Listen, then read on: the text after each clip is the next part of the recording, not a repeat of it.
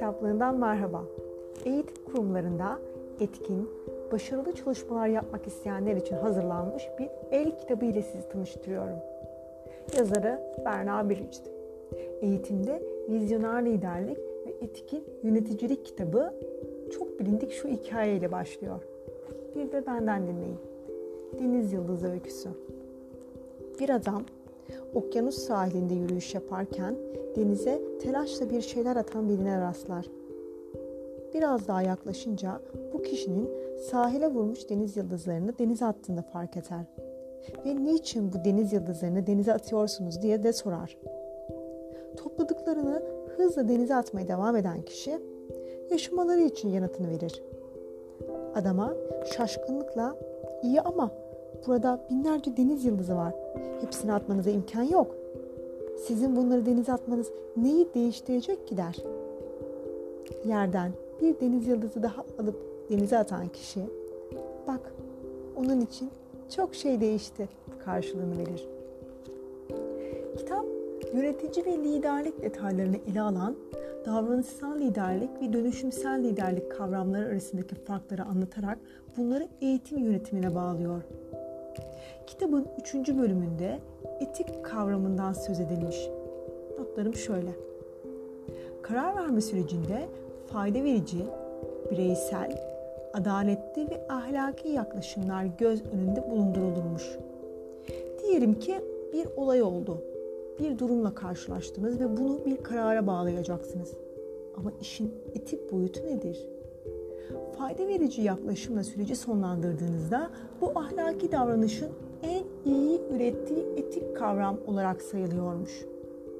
Bu yaklaşım 19. yüzyıl filozoflarından Jeremy Bentham ve John Stuart Mill tarafından ortaya atılmış. Karar verecek kişi her kimse en büyük grubu düşünerek onun lehine karar vermelidir. Burada kararın doğru ya da yanlışlığı değil, grubun gidişatına ne kadar uyumlu olduğu hesaplanıyormuş. Bireysel yaklaşım bize diyor ki uzun vadeli çıkarlar söz konusu olduğunda karar verici kendisi için en iyi olana bakar. Ve beklenilen aslında uzun vadede dürüst olup olunmayacağını denemektir diye ekliyor. Sınıf yönetimi açısından bakarsak işte öğrenci yalan söylüyor mu ya da kopya verdiğinde hocanın yaklaşımı kime göre değişmekte biraz bunlar irdelenmiş. Adaletli yaklaşımda kararlar ahlaki yaklaşımların eşitlik tarafsızlık ölçütlerine göre dayandırılıyor. Yöneticiyi belki de en zorlayıcı durum ile karşı karşıya bırakıyor. Tarafsızlık. En adaletlisi bu olmalı diyor yazar. Ve geldi karar verme sürecinde ahlaki yaklaşımlara. Bu yaklaşım bir olay esnasında karardan etkilenenin haklarını koruduğu düşünülen bir etik kavramı. Tamamıyla karşı tarafın lehine işliyor bu yönüyle diğer yaklaşımlardan biraz farklı. Bu yaklaşım insanların temel hakları ve özgürlükleri olduğunu, bunların bir bireyin kararı ile ondan alınamayacağını savunur. Yöneticiler etik kararlar alırken diğerlerinin temel haklarına müdahale etmemelidir. Örneğin bir çalışanı habersiz dinlemek mahremiyet özgürlüğünü, cinsel taciz vicdan özgürlüğünü ahlaki haklar açısından etik değildir şeklinde bir karar verme sürecini göz önünde bulunma, bulundurmaktadır diyor. Hadi gelelim en sevdiğim bölüme. Sizin için kitaptan sürpriz bir bölüm açıyorum. Bakalım karşımıza ne çıkacak? Sayfa 173 bir yönetici olmak ister miydiniz? Düşünmeniz gereken birkaç ana nokta. Artan iş hacmi. Yöneticilerin haftada 70-80 saat çalışması olağandır. Hatta bazıları daha çok çalışır. Bir yöneticinin işi her zaman kurumda çalışan herkesten önce başlar ve en son biter. İşe yeni başlayan birçok yönetici zamanlarının pek çoğunun toplantılarda geçtiğinde şaşırırlar. Bir yönetici her zaman çok çalışmaya baştan razı olmalıdır. Zorunluluk duygusu. Bir yöneticinin işi hiç bitmez.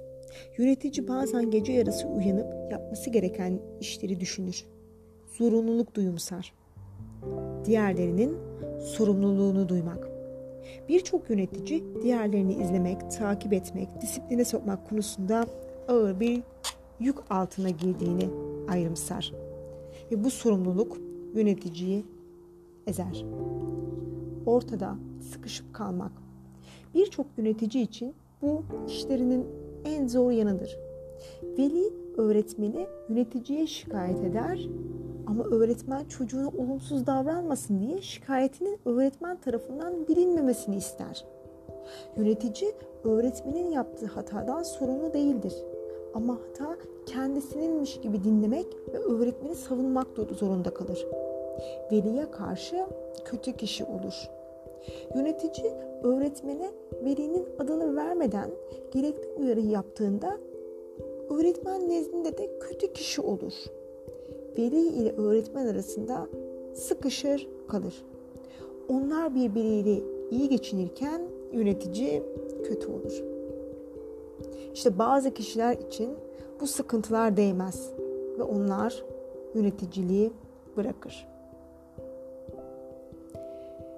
Bir yönetici olarak mutlu olup olmayacağınızı belirleyecek anahtar belki de aşağıdaki sorudur. Eğer çok istekli değilseniz denememek ya da akılcı olabilir. Hadi bu soruyu kendimize soralım. Ben gerçekten yönetici olmak istiyor muyum? Bahar'ın kitaplığı bu bölüm sona erdi. Bir sonraki bölümde görüşmek üzere. Hoşçakalın.